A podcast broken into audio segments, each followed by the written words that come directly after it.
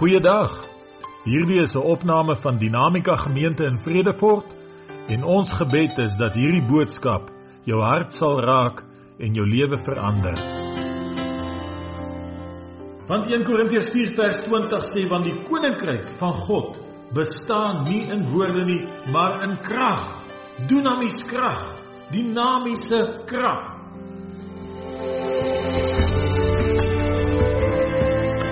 Luister na die woorde van die profeet. Kyk wat sê hy: "So sal my woord wees wat uit my mond uitgaan spreek die Here. Dit sal nie leeg na my terugkeer nie, maar doen wat my behaag en voorspoedig wees in alles waartoe dit stuur."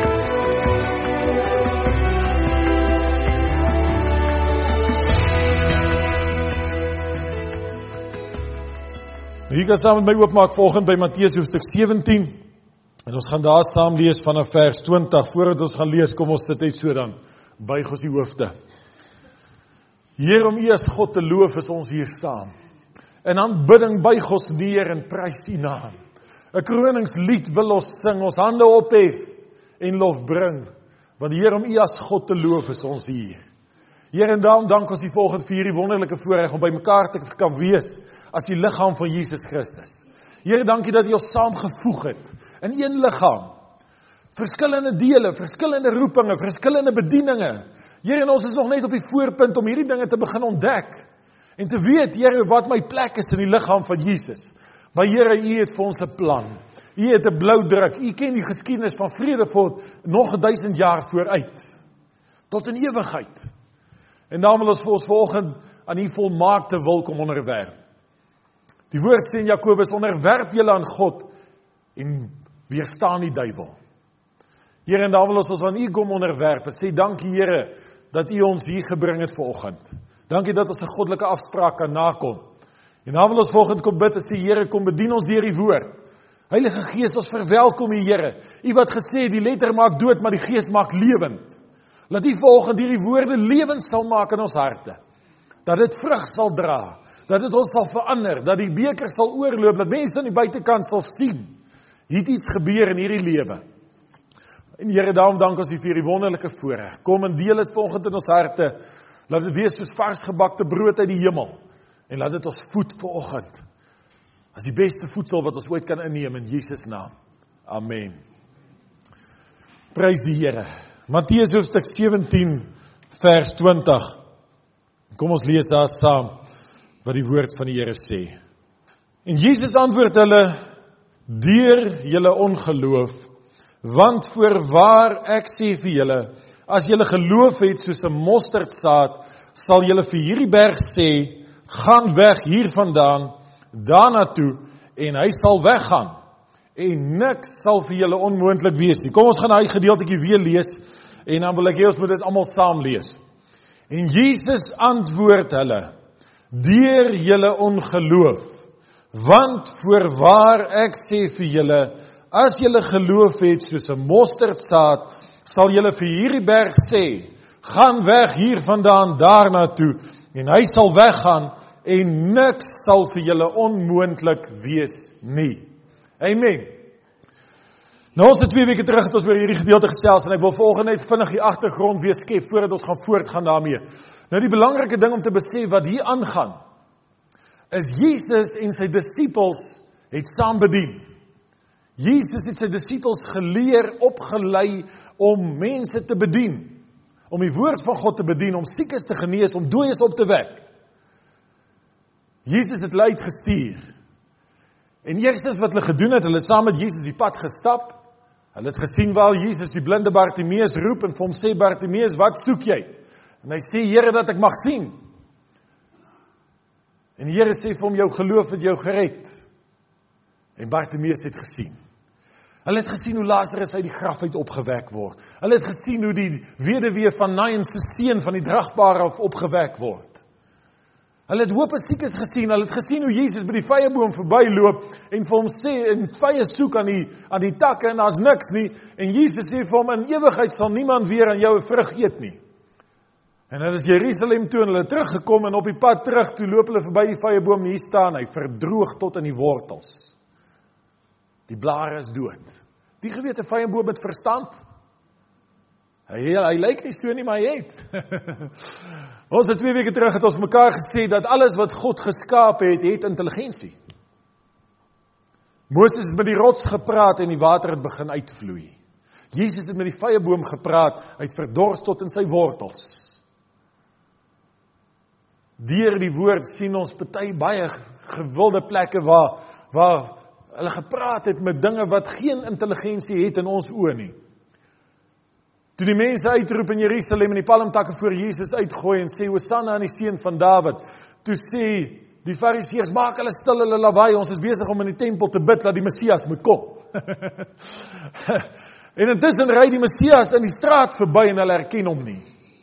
Mag Jesus nooit by my en jou verbygaan en ons herken hom nie. Maar Jesus sê vir hulle as hulle nie uitroep nie, sal die klippe uitroep. Die klippe sal uitroep. Maar God verwag van ons om met dinge te praat wat ons reken geen verstand het nie. En voor ek en jy nie vir onsself die saak gaan uitmaak dat ek kan met enigiets praat nie, gaan ons nooit 'n wonderwerk sien nie. Is dit nie waar nie? Jesus kom en sy disippels, hy sê vir hulle hierso, as jy vir hierdie berg, ek weet nie by watter berg het hulle gestaan nie, maar daar was 'n berg daar naby. En Jesus wys met sy vinger, hy sê as jy vir hierdie berg sê, werp jou op, val in die see en nie in jou hart twyfel nie, maar glo dit wat jy sê sal gebeur, dan sal dit gebeur. En daaruit kan ons vanoggend baie leer en ek weet die Here gaan vir ons in hierdie volgende tyd gaan ons 'n klomp goeders deurwerk wat die Here vir my in hierdie laaste tyd geopenbaar het. Hy sê bou die geloof op. Bou die geloof op. Want jy sien as jou geloof sterk is, is dit al wat jy nodig het. As jou geloof sterk is, gaan jy oorwinning oor sonde kry. As jou geloof sterk is, gaan jy gebede met antwoorde kry. As jy geloof sterk is, is die hemel bo jou oop. Baie mense voel hulle bid teen die ceiling vas. Is hier van hulle vanoggend. Hulle is ook onder 'n skuilnaam hier. Hulle sal nie eers hulle hande opsteek nie. maar ek het sê ek het al teen die ceiling vas gebid. Ek het al gebid en gevoel daar's geen antwoord nie. Ek het al alles gedoen wat in God se woord staan en dit het nie gewerk nie. Ek het al al die beginsels probeer toepas en dit was nie daar nie. En Jesus se antwoord was elke keer nie te veel sonde, te min geloof, te wat ongeloof. Jesus se antwoord is dieselfde vir ons vandag as wat hy was vir die disippels. Die wonderlike van hierdie gedeelte is Jesus stap die pad saam met sy disippels. En hulle is op hierdie weg en langs die strate, op die markpleine, in die dorpe is Jesus besig om siekes aan te raak, blindes te genees, dowes te genees. Lammes op te rig. En Jesus se disippels sien presies hoe word dit gedoen. Dit was die lekkerste tyd dink ek daai gewees. Vandag wonder ons watter pastore die regte metode. Hulle het by Jesus self geleer. Jesus self was hulle leermeester en Jesus het gekom, hy het die blinde aangeraak, hy het 'n sekere woorde gesê en dan het hulle gesien. En Jesus sê vir hulle gaan julle en gaan doen dieselfde. En hulle het gegaan en dit het gewerk. As jy gaan lees in Matteus 10 en in Lukas 10 sal jy sien Jesus het hulle 2-2 uitgestuur, 70 van hulle, hulle teruggekom en sê Here self die demone onderwerp hulle aan ons in u naam. Maar hier kom Jesus se disippels op 'n dag in hierdie geval, Matteus 17, en daar's iets wat hulle nie reg kry nie. 'n Man sieke kind. Dis nie 'n probleem nie, daar was ander man sieke kinders, Jesus het lank geraak. Daar was ander wat soortgelyke probleme gehad het, Jesus het hulle genees. Nou ek wil vir sê ek dink jou geloof is al so aksie sterker as jy dit gesien gebeur het en jy probeer dan ook. Maar Jesus se disippels kom en hulle het hierdie maansieke kind en hulle het gedoen wat hulle gesien het Jesus doen. Hulle het die woorde gebruik wat Jesus gebruik het. Hulle het dieselfde hande opgelê of wat ook al Jesus gedoen het, die metode was dieselfde. En die kind het nie verander nie. Niks het verander nie, niks het gebeur nie. En hulle kon dit nie verstaan nie. Want ek dink nie hulle sou dit gedoen het as hulle nie in hulle harte geglo het dat hulle dit kan doen nie. Hulle het geglo hulle sal dit kan doen. En dan kom hulle by Jesus. En hulle sê Here, die vader van die kind kom by Jesus. Hy sê Here, ek het hom na u disippels toe gebring, maar hulle kon my nie help nie. Kan u dalk iets doen? En Jesus sê: "O ongelowige en verdraaide geslag. O ongelowig en verdraaid. Jy sien daar's twee goed wat Jesus mee dit beskryf wanneer jy bid en iets kom nie reg nie. Hy beskryf dit so: ongelowig en verdraaid. Verdraaid. Vir die verdraaid sal ons nog op 'n dag bykom. Ek wil vandag gesels oor die ongelowigheid. En Jesus kom, hy sê bring hom hier vir my. En Jesus gaan, hy sê weer dieselfde woorde. Hy draak weer aan die, die kind. Hy lê hom weer hande op soos wat hy altyd doen en soos wat die disippels ook gedoen het en daar gaan die demoon uit. Want jy sien as hy iets anders gedoen het, sou die disippels nie na hom toe gekom het en gesê het Here, o, okay, nou verstaan ons. Ons sien nou, ons moes dit gedoen het. Jesus het aan die buitekant niks anders gedoen as wat hulle gedoen het nie. Hy het dieselfde gedoen. Baie keer dink ons ons bid vir 'n situasie, ons lê iemand hande op en dan gebeur niks nie en dan dink ons o, ja, ons moet iets anders doen. Bring die salfpot ook. Gooi salf. Dit werk nie. OK, volgende keer gooi ons meer salf. Jesus doen dit. Dit werk. Hoekom? Dit was die vraag van die disippels. Hulle kom na Jesus toe sê Here, hoekom kon ons hom nie uitdryf nie? Ons het geglo ons kan, Ons het gedoen soos wat U altyd doen. En Jesus kom en hy antwoord hulle een eenvoudige woord: deur julle ongeloof. Ongeloof. Ongeloof is seker die grootste siekte van die wêreld. Die grootste siekte onder Christene. Die grootste probleem van kinders van die Here sê ek vir julle vandag is nie sonde nie, dis ongeloof. Dis ongeloof. Jesus het gedefinieer, die apostels het dit gedefinieer en dit bly deur die eeue dieselfde. En Jesus kom en hy sê as jy geloof het soos 'n mosterdsaad, sal jy vir hierdie berg sê. 'n Mosterdsaadjie.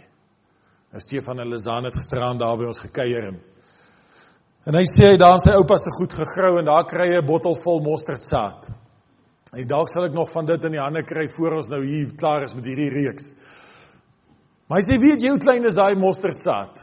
Ek sê ek het iewers gehoor iemand het gesê 'n halwe of 'n kwart van 'n ryskorrel of 'n wat. Ek sê nee, hy sê nee. Hy sê hy lyk soos tefsaad. 'n Tefsaad ken ek. Ons het al tef geplant op die plaas. En ek wil vir jou sê as jy tefsaad so op jou hand vat, jy blaas net so liggies dan waai hy so in die wind, so klein is hy. En Jesus sê as jy so 'n geloof het, soos 'n mosterdsaad, dan sal jy vir hierdie berg sê: werp jou op en gaan daarna toe en dit sal gebeur en dan voeg Jesus by en niks sal vir julle onmoontlik wees nie. Nou hierdie woorde het Jesus dit dalk so 'n bietjie opgeblaas. Of was Jesus iemand wat net reguit gepraat het? Bedoel dit wat hy gesê het? Elke ding wat ek van Jesus in die woord lees, wat hy gesê het sal gebeur, het gebeur. Daar's dinge wat dalk nog moet gebeur, maar dis op pad. Die tyd is nog net nie daar nie. Maar ek wil vir sê, Jesus het nooit niks vergroot nie. Hy het niks opgeblaas nie. Hy het niks gesê wat iewers dalk net so bietjie 'n uh, afwyking van die waarheid is nie. Dit wat Jesus gesê het, het hy elke woord het hy bedoel. En waar hy gesê het voorwaar, voorwaar, daar kan jy weet. Dit is niks anders as die reine waarheid nie. So wanneer Jesus vir jou gesê het en niks sal vir jou onmoontlik wees nie. Wat is vir jou onmoontlik? Niks. Prys die Here. Broer en suster, ons moet hierdie woord vanoggend inneem in ons binneste as die waarheid van die Here. Ek wil vir julle sê dit kan 'n verskil in jou lewe maak, geweldig. As jy dit vanoggend inneem en dit vat net soos wat Jesus gesê het. Niks sal vir jou onmoontlik wees nie. Kan ons dit saam sê? Niks sal vir julle onmoontlik wees nie en niks sal vir julle onmoontlik wees nie. Absoluut niks. As daar enige omstandighede in jou lewe is, volgens wil ek vir jou sê, God is nie verantwoordelik nie. Ons gaan so 'n paar 'n paar definisies in hierdie tyd deurwerk. Daar's baie skrifte wat ons goed mee kan bewys en alles, maar daar's 'n paar stellings wat ek gaan maak wat ons dalk nou nie al die skrifte daarmee saam nie, dit gaan te veel tyd vat. Maar ek wil vir julle sê die Bybel waarborg ons dat as daar slegte omstandighede in jou lewe is, God is nie verantwoordelik nie. Dawid skryf in die Psalms, hy sê net goedheid en guns sal my volg al die dae van my lewe. En dit is die waarheid van ons lewens. As daar slegte omstandighede is, God is nie verantwoordelik nie. Siekte is, God is nie verantwoordelik vir siekte nie. As God ooit verantwoordelik was vir siekte, dan het Jesus en God teen mekaar beklei want Jesus het elke siekte genees wat daar by hom gekom het. Dit sê die woord vir ons. Het elke siekte, elke kwaal het hy genees en daaruit weet ons dat siekte is nie God se wil nie. Moenie nooit glo dat God het 'n siekte op jou geplaas nie. Eendag kom 'n vroutjie by Smith Wigglesworth en sê God het hierdie siekte op my geplaas om my nederig te hou. En hy lê sy hande so op haar en hy sê Here gee hom meer van hierdie siekte. om hom nog meer nederig te hou. En sy sê nee nee nee, dis nie wat ek wil hê nie. En hy sê maar wil jy nie hê wat God vir jou wil gee nie? Sy sê nee nee nee, ek wil nie. Ek wil nederig wees, maar ek wil nie die siekte hê nie. my sien baie keer is ons verdraaid.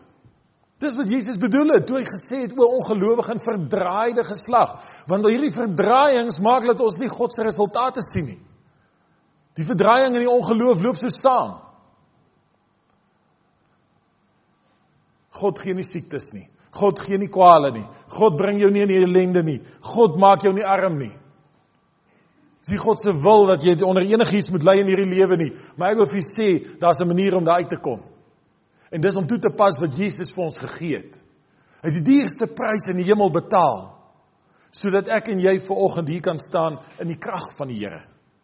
Nie in swakheid nie. Nie in ellende nie.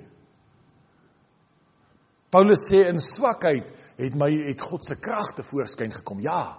Die swe die vlees moet swak wees. My eie self moet ek nie in roem nie. My eie self moet nie sterk wees nie, maar ek moet sterk in God se krag wees. Efesiërs 6 vers 10 sê eintlik my broeders word kragtig in die Here en in die krag van sy sterkte. Trek die volle wapenrusting van die Here aan. 'n Deel van dit wat ons volgende oor gaan gesels is die wapenrusting van die Here om jou te bewapen teen ongeloof. Kom ons praat 'n bietjie oor geloof. Daar's begrippe in die Bybel waarin geloof gemerk word en Jesus praat baie keer hierdie begrippe. Hy noem hierdie begrippe. Hy praat van vier soorte geloof in die Bybel. Of die vrou wat na hom toe kom, die Sirofenisiese vrou wat sê Here, My kind is siek en hy sê vir haar, maar jy's nie deel van Israel nie. Vir jou kom die beloftes nie toe nie. Jy kan nie dis nie mooi om die brood van die kinders te vat en dit vir die hondjies te gee nie. Dis Jesus se antwoord. So eintlik sê Jesus haar nee. Dis nie jou belofte nie. Dis nie jou deel nie. En wat doen sy? Sy sê ja, Here, maar die hondjies eet tog van die krummels wat van die tafel afval. En weet jy wat is Jesus se antwoord? Vir my so mooi. Hy sê groot is jou geloof. Halleluja. Hier's 'n vrou wat teen Jesus se wil gekry het wat sy gesoek het deur geloof. Ek sê nou teen Jesus se wil, dis nie heeltemal teen Jesus se wil nie. Maar Jesus leer ons daardeur. Ek wil vir julle sê, dis baie keer gee ons net so maklik op. Ons besluit dis nie God se wil nie. Al die tyd wil God so graag. Hy wag net vir ons geloof om dit te aktiveer. Groot is jou geloof. Die Bybel praat van groot geloof, hy praat van klein geloof, hy praat van sterk geloof en hy praat van swak geloof. Dis die vier begrippe waarvan waarvan daar gepraat word in geloof. Met ander woorde, groot, klein, swak, sterk. Waarmee kan ons dit vergelyk? Ek wil vir julle sê die beste ding om dit mee te vergelyk is ons eie liggaam. Sê ek na my kindertjies kyk vanoggend, dan's hulle klein, ek is groot. Maar hulle bly my kinders. Maak nie saak hoe oud is hulle nie, maak nie saak hoe klein is hulle nie, maak nie saak hoe groot is hulle nie. Geloof is presies dieselfde. Of geloof klein is en of geloof groot is, hy bly geloof. Ons kan dit nog beter stel. Wanneer die Bybel praat van swak geloof en van sterk geloof, dan het dit te doen met spiere. Wanneer 'n kind gebore word, het hy dieselfde aantal spiere as wat hy het as hy 'n volwasse man is. En dis hoekom Jesus kom en hy sê as jy geloof het soos 'n mosterdsaadjie, want hy het nie daarmee bedoel dat jy moet dit probeer in die hande kry nie. Wanneer jy wedergebore word, wanneer jy jou hart en lewe vir die Here gee, dan het jy, dan ontvang jy die geloof. Romeine 5:17 waarborg dit vir ons. God het die maat van geloof aan elkeen toe bedeel. Met ander woorde, elkeen het geloof ontvang. Die probleem is net tot waar is hy ontwikkel? Tot waar het hy van swak na sterk gegaan? sien toe Jandrey net begine loop het toe daar so Dit was een van hierdie Kingsley Cola bottels. Hulle is mos 'n 3 liter. Dit was hom daar in die huis. En hy kry hom opgetel, maar jy kan sien hy kry hom so net net gedra. Maar hy kom met hom. Toe hy net begin loop het. Nou kan hy hom al optel en hy loop met hom maklik rond. Hy, hy vang hom sommer met sy vingers. Hy hoef nie eers met sy arms om hom te sit nie. Vir my wat volwasse is, ek kan sommer ses van daai bottels so vasdruk en met hulle gemaklik loop sonder dat dit effort is. Want daar's 'n verskil tussen klein en groot en swak en sterk. Maar nêrens diskwalifiseer jou geloof dit nie.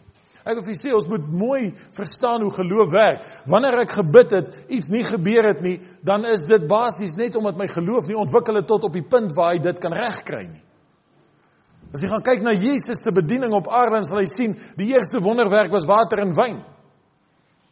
En so het sy wonderwerke van hoe kan ek sê van grootte groter geword, groter geword, groter geword tot op Lazarus wat uit die dood uit opgewek is. Geloof groei. Selfs in Jesus het dit gegroei. En net so in ons moet dit groei. Maar jy sien wat gebeur is die duiwel kom en hy vertel jou jy het geen geloof nie. Jy kan dit nie regkry nie. Jy is nie soos daai persoon nie. En wat ons as kerk doen, ons kyk baie keer na hulle wat klein in geloof is. Ek is nou besig om daar deur Romeine te lees en dis my wonderlik. Ek kan nie glo wat ek lees nie. Ek het dit al so baie oor en oor gelees, Romeine 8, 9, 10, 11, 12 tot by 15. Daai daai hoofstuk het ewe skielik lewe. Ek wil vir julle sê dit is dis wonderlik hoe die gees van die Here vir jou goeders begin oopmaak. En Paulus vermaan daai sê moenie neerkyk op hulle wat klein gelowig is nie, maar jy wat sterk geloof het, dra daai ou se klein gelowigheid. Versterk hom. Rig hom op. Voeg jou geloof daarbey en dan gaan jy iets reg kry. Dan gaan jy iets sien gebeur. Maar versterk dit. Ons kyk baie keer neer op mense. Dink daar's sonde, daar's probleme, daar's al hierdie dinge. Daar kan dit dalk wees Maar vir 'n oomblik moet ons besef, daar's geloof wat moet ontwikkel word. 2 Korintiërs 5 vers 17 sê Paulus: Daarom as iemand in Christus is, hy 'n nuwe skepsel. Die ou dinge het verbygegaan, dit het alles nuut geword. Wie is ver oggend in Christus Jesus? Laat ons sien. Prys die Here. Ek wil vir jou sê, die ou dinge van jou lewe is verby. As jy mooi gaan hierdie ding ontleed soos 'n teoloog veronderstel is om hom te te ontleed, dan sal jy sien hierdie is nie 'n belofte nie. Dit is nie 'n 'n iets wat 'n voorwaarde met 'n resultaat het nie. Hierdie is 'n stelling. Die Engelse praat van 'n statement of fact. 'n Feit. As jy in Christus Jesus is, het al die ou dinge verbygegaan. Prys die Here. En sien baie keer verstaan ons dit nie want ons het dit nie ingeneem nie. Ons het dit nie vir ons eie gemaak nie. Ek sien nog die ou dinge. Ek ek ervaar hulle nog. Ek is baie keer nog gehaak aan hulle. Ek sukkel om ontslae te raak van hulle want ek glo nie wat die skrif sê nie. As die woord sê jy is los, jy is vry. Die woord sê dit hy wat die seun vrygemaak het, sal waarlik vry wees. Jy hoef God nie daarvan te oortuig nie, jy moet jouself daarvan oortuig. Maar die woord sê, as iemand in Christus is, is hy 'n nuwe skepsel. Alle al die ou dinge het verbygegaan, alles het nuut geword. As alles nuut geword het, dan het ek nuwe geloof. Dan het ek nuwe aansporing, dan het ek 'n nuwe passie om die Here te dien. Dan het ek 'n nuwe verwagting wanneer ek my oë toemaak en bid. Alles het nuut geword, prys die Here. Johannes 14 vers 6 het ons ook twee weke terug oor gepraat waar Jesus gesê het ek is die weg, die waarheid en die lewe. Niemand kom na die Vader behalwe deur my nie. Daai Griekse woordjie daar in die middel het ek vir julle gesê, die waarheid, die die die regte betekenis van hom is die realiteit. Ek is die weg, die realiteit en die lewe.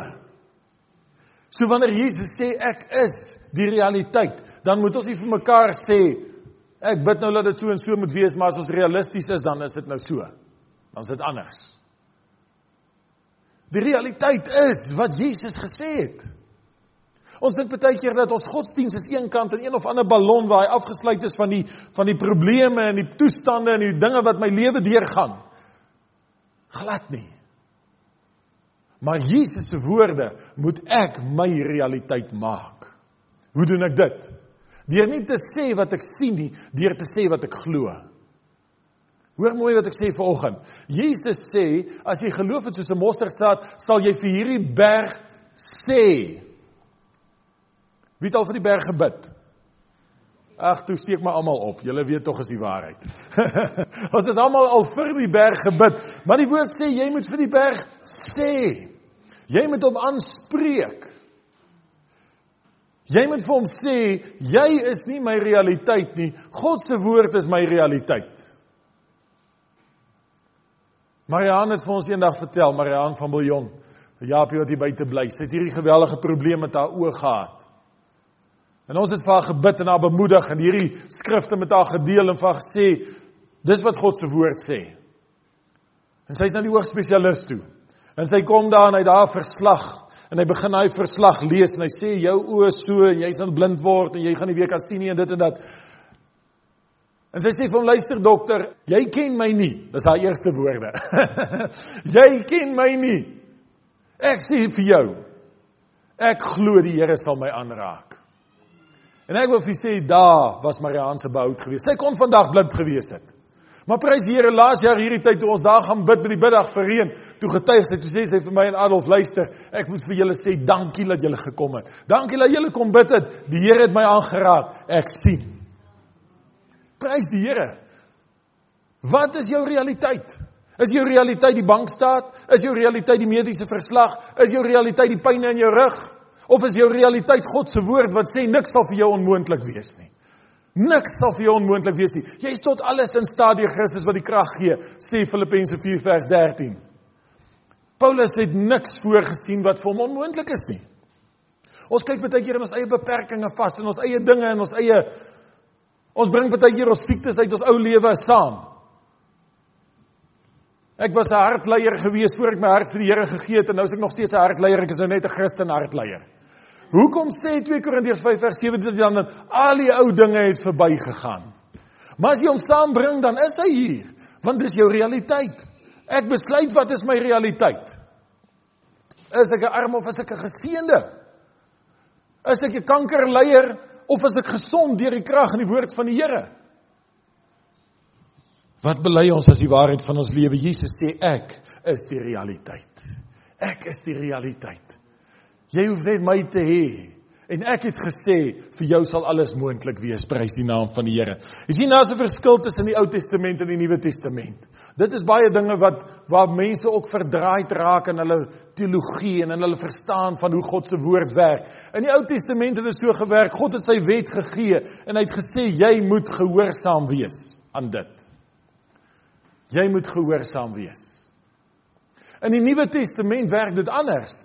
God gee sy beloftes en hy sê vir jou, doen dit. Jesus vertel op 'n dag die gelykenis. Hy sê daar was twee manne wat 'n huis gebou het. Die een was 'n wyse man, die ander een was 'n dwaas. Die een bou sy huis op die rots, die storm het gekom, hy bly staan. Die ander een bou sy huis op die sand, die storm kom en die huis het plat geval. En hy sê, "Wat is dit? Dit is die een wat die woord van God hoor en dit doen." Die wyse man. Die een wat dit nie doen nie, hoor dit, maar hy doen dit nie. Hoor ons dit en doen ons dit? Dis die verskil tussen Ou Testament en Nuwe Testament. Ou Testament, jy moet so maak. Reëls, regulasies. Nuwe Testament is hier's 'n belofte, as jy die woord doen, dan sal dit die gevolg wees. Hoeveel doen ons die woord? sien 'n Ou Testamentiese mens was nooit wedergebore nie. Het jy geweet dat niemand in die Ou Testament was wedergebore nie? Die Heilige Gees het met tye op hulle gekom en hulle geïnspireer en hulle het wonderlike dinge gedoen, maar daar was niemand wedergebore nie. Daar was niemand wat God se Gees binne in hom gehad het wat uit God gebore is soos wat Johannes sê ons is nie. Hulle was mense wat onder die reëls van God gehoorsaam was en die resultate van God se reëls het vir hulle die resultate gewees. Maar sy karakter het nooit verander nie. Sy wese het nooit verander nie. Dis hoekom dit so moeilik was. Dis hoekom hulle nie die wet kon onderhou nie. Die mense in die Ou Testament het gehoor hulle moet dit en dit en dit doen, maar dis swaar om dit te doen as jy 'n sondaar is. En vandag nog, solank jy 'n sondaar is, is dit moeilik om God se wil te doen. Maar die oomblik wat jy op jou knieë gegaan het en sê Here, ek lê alles neer. Ek gee my hart en my lewe vir U. Ek bid neem my aan as U kind en die Heilige Gees kom binne-in, dan is dit maklik. Want dan het jy 'n nuwe hart. Jy het 'n nuwe binneste, jy het 'n nuwe karakter. sien as ek daar op die plaas dit reg kry om 'n vark te vat en ek sê vir hom jy moet nou soos 'n skaap maak. As ek my beste effort insit, kan ek hom dalk kry laat hy bler. Maar hy gaan vir 'n dag of twee bler en dan gaan hy maar weer begin snork soos 'n vark en hy gaan weer in die modder rol. Want hy is 'n vark. En dit is hoekom die woord so duidelik is wanneer hy sê in 2 Korintiërs 5 vers 17, ek is 'n nuwe skepping. Al die ou dinge het verbygegaan. Die die Griekse woord daar beteken 'n nuwe 'n new creature of a new variety. Dit is die oorspronklike Griekse betekenis van 'n nuwe skepping. Dis nie net 'n ou mens wat nuut gemaak is nie, dis 'n nuwe soort 'n nuwe wese van 'n nuwe soort, God se soort, die wedergebore wat uit God gebore is. Daar's baie mense wat sê hulle is Christen, hulle glo hulle het al hierdie dinge, maar is hulle wedergebore? Jesus het gesê as jy nie wedergebore is nie, sal jy die koninkryk van God nie sien nie. Hoe word ek wedergebore? Ek gee oor. Kom op 'n punt wat ek besef ek is 'n sondaar. Ek ken God nie. Ek moet my lewe oorgee. En die woord sê jy sterf in jouself, jy staan op in 'n nuwe lewe saam met Christus Jesus as 'n nuwe mens. En vir die nuwe mens geld dit wat ons volgende hier oor gesels. Kyk wat sê die woord Galasiërs 3 vers 21. Hy praat van die Ou Testament en die Nuwe Testament. Hy sê: "Is die wet dan teen die beloftes van God?" Nee, stellig nie. Want as daar 'n wet gegee was wat krag het om lewend te maak, dan sou die geregtigheid werklik uit die wet wees. Kom ek verduidelik vir mooi wat sê Paulus hier. Paulus praat van die wet, die Ou Testament. Wat sê jy met offerdiere offer om jou sondes te bedek en al hierdie dinge. Hy sê as jy vashou aan die wet, dan geld die wet vir jou lewe. Hy vermaan die Galasiërs en hy sê, "Wie julle betower? Julle dan Christus aangeneem, hoekom wil julle nou weer onder die wet wees?" En tog vandag is mense so verbuisterd, hulle weet nie meer wat is nou wet, wat is nou nie wet nie, waar is ons, waar trek ons die streep nie. En daaroor moet ons ook nog gesels, maar hy sê as die wet krag in hom gehad het, dan was dit nie nodig om hom te vervang nie. So dis wat Paulus in hierdie versie sê. Hy sê as daar krag in die wet was, maar die wet het geen krag gehad nie, dit was reëls. As jy godsdiens het van reëls, hy werk nie, hy's dood. Daar moet lewe in wees. Daar moet verhouding in wees. Dan is daar krag. Daar moet wedergeboorte plaasgevind het. Hy sê dit is die fout wat God gekry het met die wet. Onthou die die, die Ou Testament sê die wet van die Here is volmaak. Daar is niks fout met hom nie. En dit is so. Hy is volmaak. As jy presies doen wat die wet sê, dan gaan jy presies die resultate kry. Maar Die probleem is, daar's nie krag in die wet nie. Daar's nie krag nie. Daar's nie krag om jou op die pad te hou nie. Daar's nie krag om jou te oortuig om in liefde met die Here saam te wandel en met jou medemens nie. Daar's net reëls. En Paulus sê dis die probleem. Die probleem is daar's nie krag nie. Dan sou die geregtigheid werklik uit die wet wees. Geregtigheid is die belangrike ding. Geregtigheid is een van die belangrikste dinge wat ons in hierdie tyd oor gaan gesels. Jakobus sê die vurige gebed van 'n regverdige het groot krag. So geregtigheid, regverdig is dieselfde begrip. Kom ons gaan 'n bietjie verder. Hy sê in Hebreërs hoofstuk 8 Want as daardie eerste een onberispelik was, hy praat van die wet. Sou daar nie plek vir 'n tweede gesoek word nie. So God het hierdie eerste hierdie wet in plek gestel. Hy het vir die mens gesê dit is die reëls. En God het gesien dit werk nie. Die mens kry hom nie geonderwerp daaraan nie. Hy kry dit nie reg nie, want hy sy sy vlees is boos. Hy sê in die dae van Noag sê hy vir Noag ek het gesien dat al die oordeenkings van die mens se hart altyd boos is. En as ons ons eie lewens gaan kyk, as ons gaan sien wanneer die vlees aktief is en wanneer die gees aktief is, ek wil vir jou sê 'n mens se vlees dink net wat boos is wat wêrelds is. Maar as ek in die gees wandel, dan het ek 'n ander verlange. Ek het 'n ander passie. Ek het 'n ander motivering. Weet jy hoekom sit Vredefort se 700 mense vandag by die huis? Want hulle is vleeslik. Hulle het niks wat hulle trek na die Here toe nie. Daar's niks wat hulle hiernatoe bring nie. Daar's niks wat hulle na enige kerk of na God se huis vir laat verlang nie. As ons weer op vakansie is in die Kaap, dan dink ek ag, is nou lekker, ek gaan nou Sondag ook relax gaan nou lekker lekker daar by die huis, maar ek was nog nie een Sondag gelukkig by die huis nie. Ek nog nie een Sondag self daar by die see gesit en dit was lekker nie. Ek verlang om hier te wees. My begeerte is hier. My verlange is hier want hoekom ek die gees van God binne in my wat hier wil wees. Hy soek die gemeenskap van die gelowiges. Hy soek die inspirasie van God se gees. Hy soek die krag wat daar is wanneer die gelowiges saamkom. Die Nuwe Testament sê ons doen die woord. Kom ons gaan nou Romeine 5 toe. Romeine 5 vers 17. O, oh, skus, hier eers hierdie ene. 2 Korintiërs 5 vers 21. Want hy het hom wat geen sonde geken het nie, sonde vir ons gemaak sodat ons kan word geregtigheid van God in hom. Kom ons vat nou net dit weer twee treetjies terug. Paulus sê vir die Galasiërs, hy sê as die wet krag gehad het, dan sou dit nie nodig gewees het dat Jesus hoef te kom nie. Hebreërs sê as daar geen fout was met die wet nie, dan was daar nie nodig vir nog 'n ander wet nie. Dan was dit nie nodig vir die genade nie. Dan was dit nie nodig vir die kruisiging nie. Nou kom Paulus weer in 2 Korintiërs en hy sê deur die kruis het daar 'n transaksie plaasgevind, 'n geestelike transaksie. Hy sê hy wat geen sonde geken het nie, Jesus Christus, het God verander in sonde sodat ons wat mense is, wat eintlik die sondaars is, kan verander in die geregtigheid van God.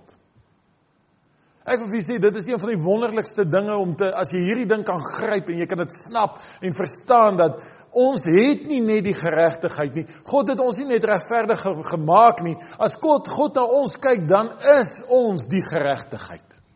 Jy is die geregtigheid. As jy werklik by God uitgekom het, as jy jou lewe neergelê het, as jy in 'n verhouding met God staan, jy is die geregtigheid van God. Dit is wat jy is. Dit is die realiteit. Al het jy foute, al maak jy daagliks foute. Die woord sê as ons in hierdie ehm um, Maar hy sê dan het ons gemeenskap met mekaar in die bloed van Jesus Christus was ons van elke sonde, van alle smet. Want ons is die geregtigheid. So kan ons dit vir mekaar sê. Sê ek is die geregtigheid van God. Ek is die geregtigheid van God. Moenie as jy op jou knieë gaan en bid en sê Here, ek is 'n arme sondaar gered deur genade nie. Verkeerd. Ek wil vir sê ons moet besef ons is die geregtigheid van God. Al is ons swak, al is ons nietig, al is ons al diskwalifiseer ons nie volgens ons eie standaarde nie. In God se standaard word gemeet in Jesus Christus, nie in jou nie. En as ons dit gaan besef, dan besef ons man, maar dan is dit maklik. Hebreërs 10 sê as jou hart jou nie veroordeel nie, dan het jy vrymoedigheid. Weet jy wat is die grootste ding wat wat mense keer dat hulle nie vrymoedigheid het nie? Sy eie gewete. Sy hart veroordeel hom want hy het nog nie die waarheid van die skrif leer ken nie. Die waarheid het nie by hom 'n ingang gevind nie. Sy realiteit is ek is 'n ou wat elke dag foute maak, terwyl jou realiteit moet wees ek is die geregtigheid van God in Christus Jesus. Alles behoort aan hom. Alles is deur hom vervolmaak. My hele lewe kom op 'n ander vlak as ek besef ek is die geregtigheid van God. Ek wil vir julle sê, vanoggend is die ideale tyd om jou lewe skoon te maak. Hier staan 'n nagmaaltafel gedek. Hy sê as jy aansit aan die tafel van die Here en dit val jou by, maak reg. Maak skoon. Dis nie nodig om te sit en te wonder of gaan ek nie môre weer oortree nie, gaan ek nie môre weer Neem 'n besluit. Die bloed van Jesus is hier vir vergifnis. Die liggaam van Jesus is hier vir genesing. Romeine 5 vers 17. Want as ten gevolge van die misdaad van die een die dood geheers het deur die een. Kom ons staan net eers daar stil. Watter een het geval in sonde? Adam. As ten gevolge van die een die misdaad van die een die dood geheers het deur die een. Onthou God het vir Adam gesê, as jy van die vrug van daai boom eet in die middel van die tuin, sal jy sekerlik sterf. So God het dood voorgestel aan Adam voordat enigiets dood gegaan het op aarde. Hy sê vir Adam, as jy dit doen, dan kom dood en dit het so gebeur. Hy sê die misdaad van die een. Wat is misdaad? Sonde. Een mens se sonde het dood ingebring in die hele aarde. Kyk mooi die prentjie. Ek gaan dit weer sê. Een mens se sonde het dood ingebring vir die hele mensdom. Kom ons gaan nou verder. Veel meer sal hulle wat die oorvloed van die genade en van die gawe van die geregtigheid ontvang Wat is die gawe van die geregtigheid? Dit wat ons nou net gelees het. Hy het sonde geword vir ons sodat ons kan word die geregtigheid van God. As jy daai hoofstuk gaan lees Romeine 5, gaan jy sien soos wat die dood ingekom het deur een mens, so die lewe ingekom deur die tweede Adam, een mens in God se oë, die seun van God, Christus Jesus wat die lewe versoen het van ons met God. So die dood het geheers tot op die kruisiging. Van toe af heers die lewe. In wie? In die wat die geregtigheid ontvang het. Kyk wat sê hy. Hulle wat die gawe van die geregtigheid ontvang het. Wanneer ontvang jy die gawe van die geregtigheid? Met wedergeboorte. Kyk wat sê hy nou. Hulle sal heers, ag nee, sal hulle wat die oorvloed van die genade en van die gawe van die geregtigheid ontvang in die lewe heers deur die een Jesus Christus. So die wat die geregtigheid ontvang het, wie's dit? Dit is ons wat hier sit ver oggend. Ons wat ons hart en lewens vir die Here gegee het, het die geregtigheid van God ontvang. Ons het Jesus se offer aanvaar. Ons het hom as Here en Meester van ons lewens aangeneem. Ek het die geregtigheid. En as ek die geregtigheid het, wat sê hy? Dan sal ek in die lewe heers. En net daar raak ons deur mekaar, want hoekom? Dit voel nie of ek heers in my lewe nie. Dit voel of die bankbestuurder heers. Dit voel of my omstandighede heers. Dit voel of ek nie kop bo water kan hou nie. Dit voel of ek oorweldig is deur alles. Want hoekom? Ons het 'n gebrek aan kennis. Hosea 4 vers 6 sê dit nog so mooi. Sê my volk. Wie is God se volk? Ons.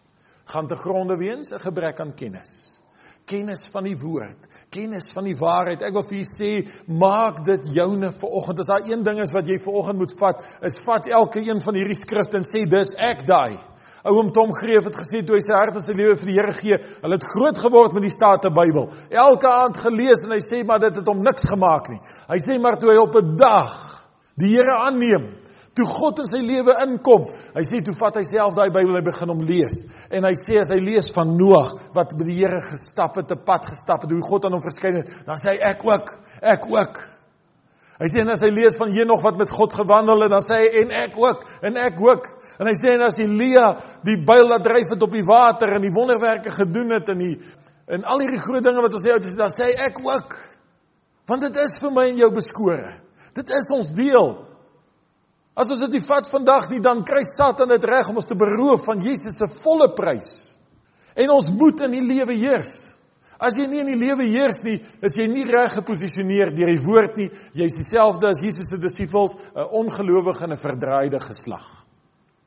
Maar prys die Here, ek het vir God gevra en sê Here, laat ons wat hier sit ver oggend, laat ons nie 'n ongelowige en verdraaide geslag wees nie. Mag hierdie geslag die putte van God oopgrawe wat ons wat die water laat vloei wat ons laas Sondag van gepraat het en mag ons die waarheid laat seevier.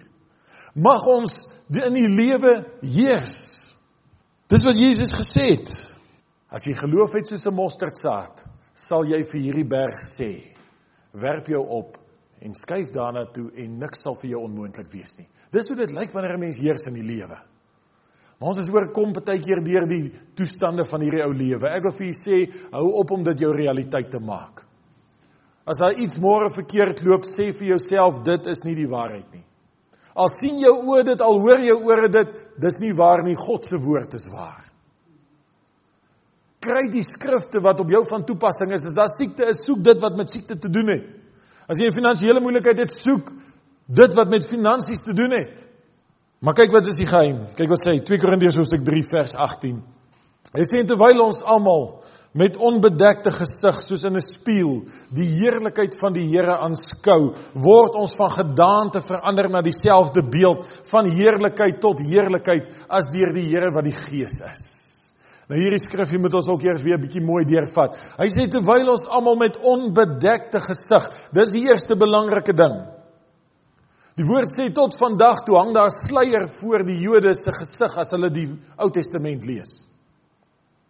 Jesus beklei met hulle of hy stry met hulle en hy sê vir hulle laat Moses en die profete het van my getuig, maar julle sien dit nie raak nie.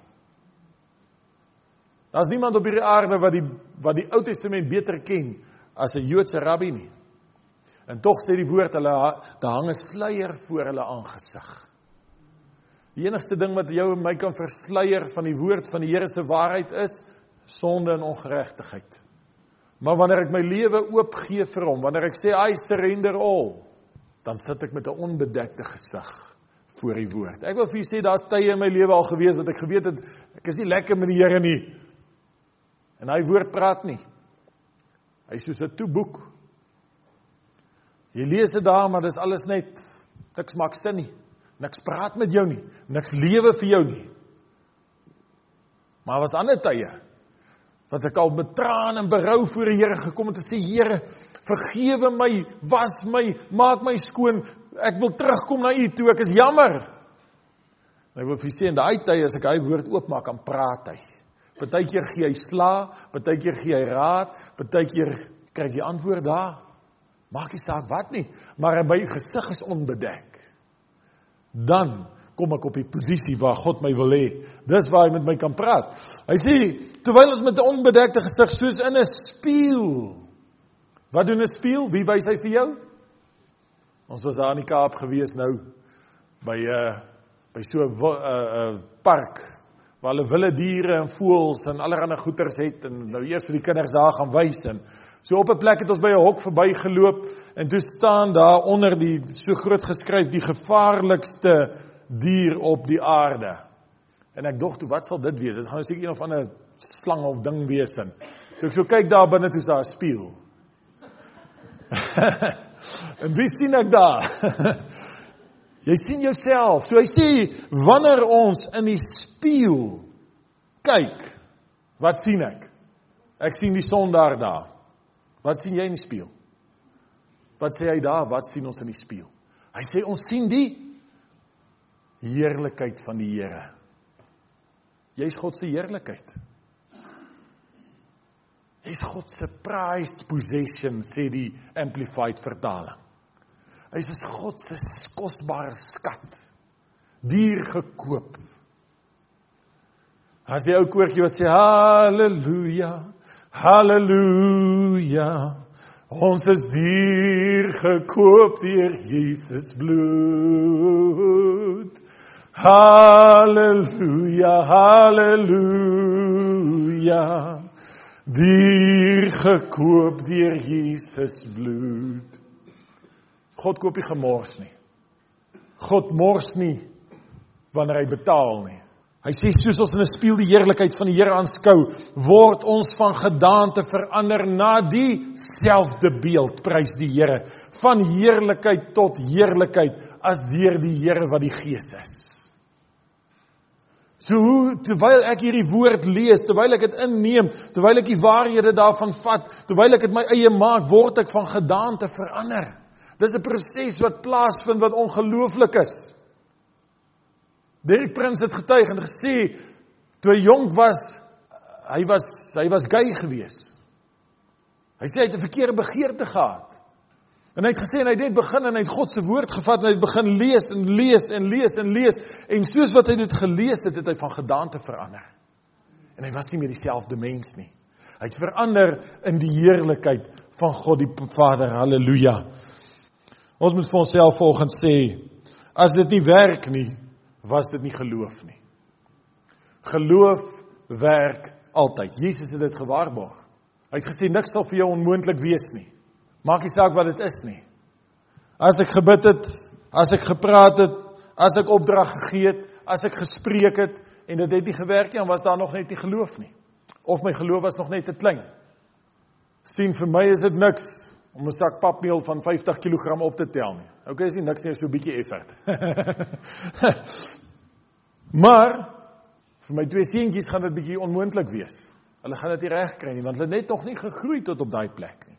Hulle nog net nie ontwikkel nie. En net omdat hy hom nie kan optel nie, beteken nie hy's iets minder werd nie. Beteken nie hy's 'n uh, mislukking nie. Dit beteken net hy's nog te klein. So wanneer ons bid vir iets, moenie 'n mislukking voel as dit nie gebeur nie. Jy's nog net bietjie klein. Groei in geloof. Hoe groei ek? Ek begin van heerlikheid tot heerlikheid verander. Ek begin van gedaante verander. Ek gaan die laaste paar laaste gedeelte vinnig deurwerk. Handelinge 2 vers 17. Op die groot dag van Pinksterfees, toe staan Petrus op en hy sê Hierdie is wat die profeet Joël gespreek het. In die laaste dae sal ek my gees uitstort op alle vlees. Julle seuns en julle dogters sal profeteer. Julle jongelinge sal gesigte sien, julle ou mense sal drome droom en op die diensknag en op ook op my diensknegte en diensmagte sal ek in die dae van my gees uitstort en hulle sal profeteer. Profeteer is iets wat ons dink wat nie meer bestaan nie. 'n Profeet is 'n ou met 'n lang baard en 'n lang jas wat hier aankom van nêrens af. Ons weet nie wie sy nie en hy kom profeteer vir ons.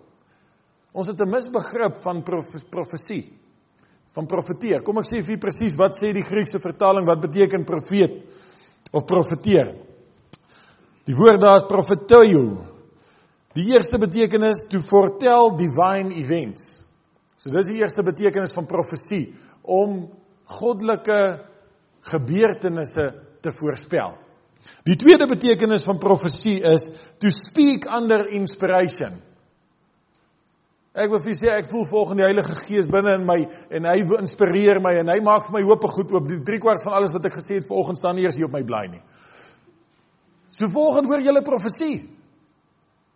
To speak under inspiration. Dit wat ek volgens met julle deel is dit wat die Heilige Gees in my hart deel. Die derde ene is to exercise to be a prophet. Dis die betekenis van profesie. Die eerste een is om die toekoms te voorspel. Daar kom ons dalk nie so lekker uit nie. Die tweede betekenis is om te speak under inspiration.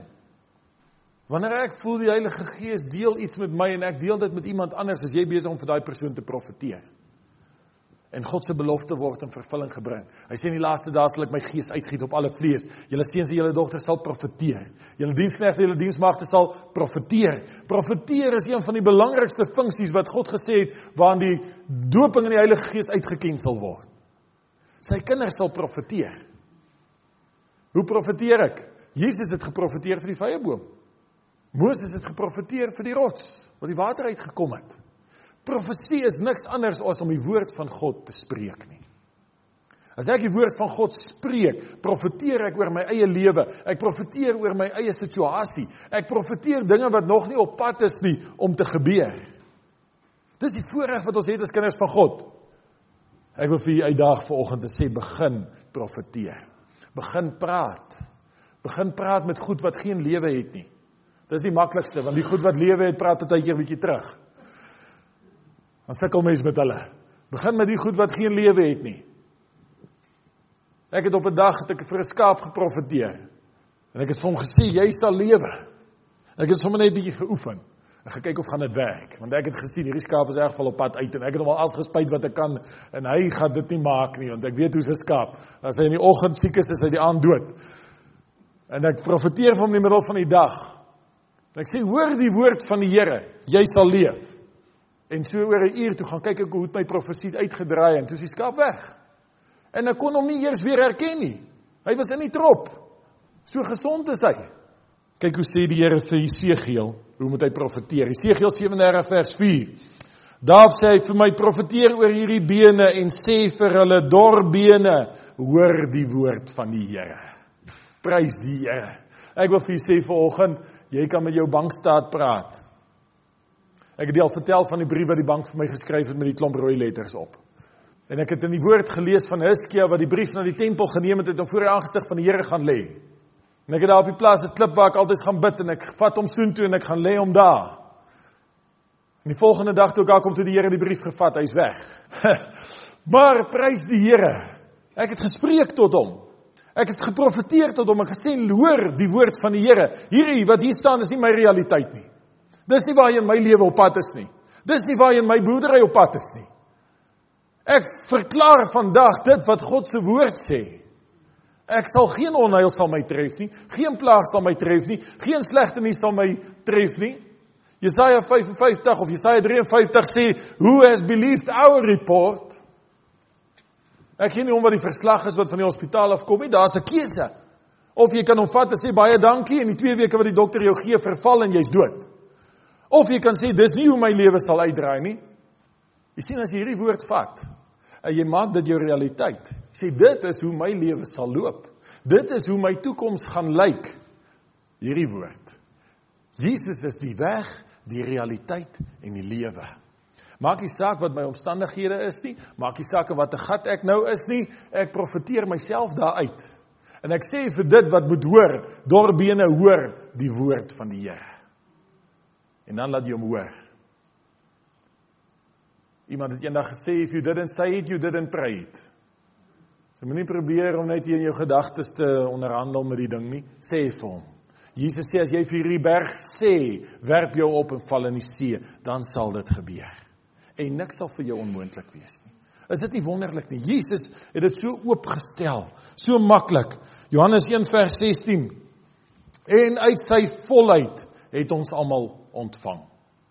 Kyk wat sê God. Nie jy sal ontvang, jy gaan miskien kry nie. Jy moet elke Sondag kerk toe kom, dan sal ek vir jou gee nie. Hy sê uit sy volheid het ons almal ontvang. Voel dit of ons God se volheid ontvang het? Voel nie by my elke dag so nie. Glo ek by u nie. Maar my realiteit is nie wat ek voel nie, my realiteit is wat God se woord sê. Dit is die waarheid. Sy volheid is binne in my. Ja, genade op genade. Ek dink Paulus kon dit of Johannes kon dit beter beskryf nie. Hy sê, "Hoe moet ek dit vir julle verduidelik? Dis net genade op genade." Dis al wat dit is. God se voorspoed, God se wonderlikheid. 2 Petrus 1 vers 4. Heel laaste skrifgie waardeur hy ons die grootste en kosbare beloftes geskenk het sodat jy daardeur deelgenote kan word van die goddelike natuur. Hy sê ons is deel van God se natuur. Ons is soos hy. In Johannes 5 vers 17, as he is, so are we in this world. Dis my realiteit. Dis wat ek kies om te glo. Dis wat ek kies om te laat oor my lippe niks anders nie. Moenie as die skete in die ouderdom daar kom vir hulle woord gee nie. As jy hom voel, jy praat nie oor hom nie. Jy sê hom wat se waarheid. Ons het deel geword geword van die goddelike natuur nadat jy die verdorwenheid ontvlug het wat deur begeerlikheid in die wêreld is. sien die Nuwe Testamentiese mens se karakter is God se karakter. Hy word versoek Dis al hoe hy in die kwaad kan kom. Hy word versoek. Sy karakter is nie meer die karakter van hierdie wêreld nie. Sy karakter is die van God. Nou ek wil volgend vir mense uitnodiging maak. As u volgend voel het 'n aanraking van die Here nodig. Wil ek jou nooi om hier voor te kom staan, dan gaan ek vir jou hande oplê. As jy voel volgend jy het God se krag nodig in jou lewe. En dan wil ek ook vir mense nooi wat volgende sit en sê ek het gehoor van wedergeboorte, maar of dit plaasgevind het in my lewe weet ek nie. Of dit al gebeur het, is ek onseker van. Dan wil ek die volgende geleentheid gee en sê dit is vandag die dag. Prys die Here o my siel. Prys die